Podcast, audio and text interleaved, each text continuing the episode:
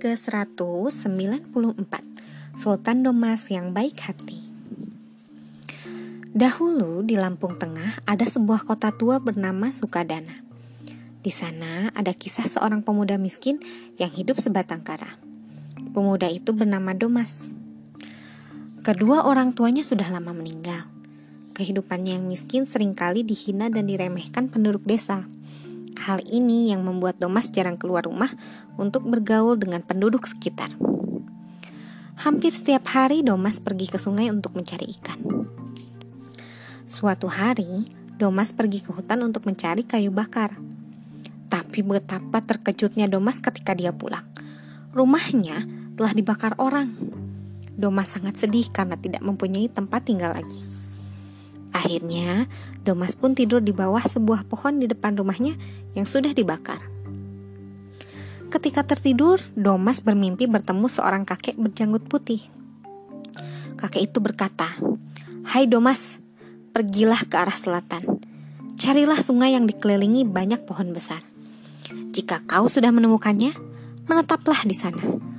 Untuk memenuhi kebutuhan hidup, bukalah ladang dan tanami dengan sayur dan buah-buahan." Terbangun, Domas merenungi mimpinya.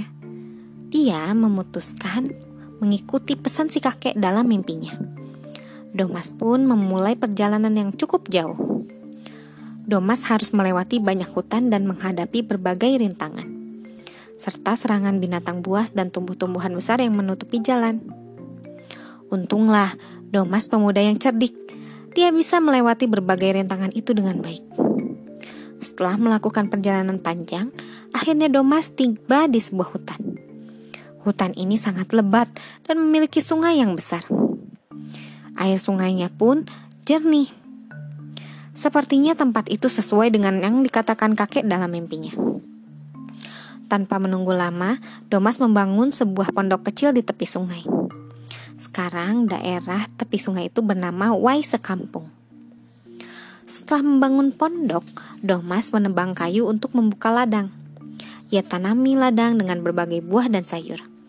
Jika ingin makan ikan, ia hanya tinggal ke sungai. Domas pun hidup tenang dan tentram. Tanpa terasa, Domas sudah cukup lama tinggal di daerah itu. Domas juga sering berlatih bela diri. Suatu hari, Domas menemukan pedang dan tongkat kayu berbentuk ular. Ternyata, kedua benda itu adalah benda sakti.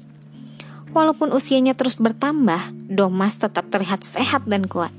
Kesaktian itulah yang membuat masyarakat sekitar menjulukinya dengan sebutan Sultan Domas. Sultan Domas sering menolong nelayan yang hampir dimaksa buaya. Selain itu, ia juga menolong pencari rotan dari serangan binatang buas. Hal ini membuat Sultan Domas semakin dihormati dan disegani.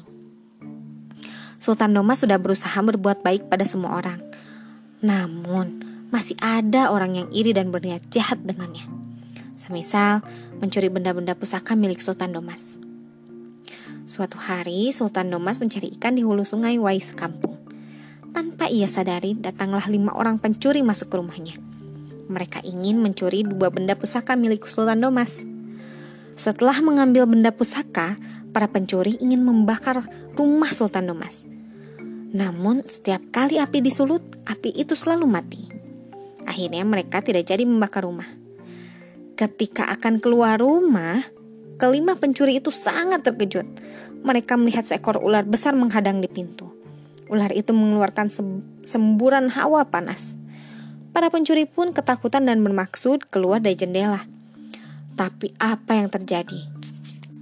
Ternyata di luar jendela ada seekor buaya Buaya itu bertubuh besar dan siap menerkam. Melihat hal itu, kelima pencuri tidak bisa berteriak. Mereka sangat ketakutan. Para pencuri tidak bisa pergi sampai Sultan Domas pulang.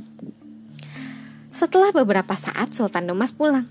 Namun, Sultan Domas tidak marah melihat kelima pencuri itu.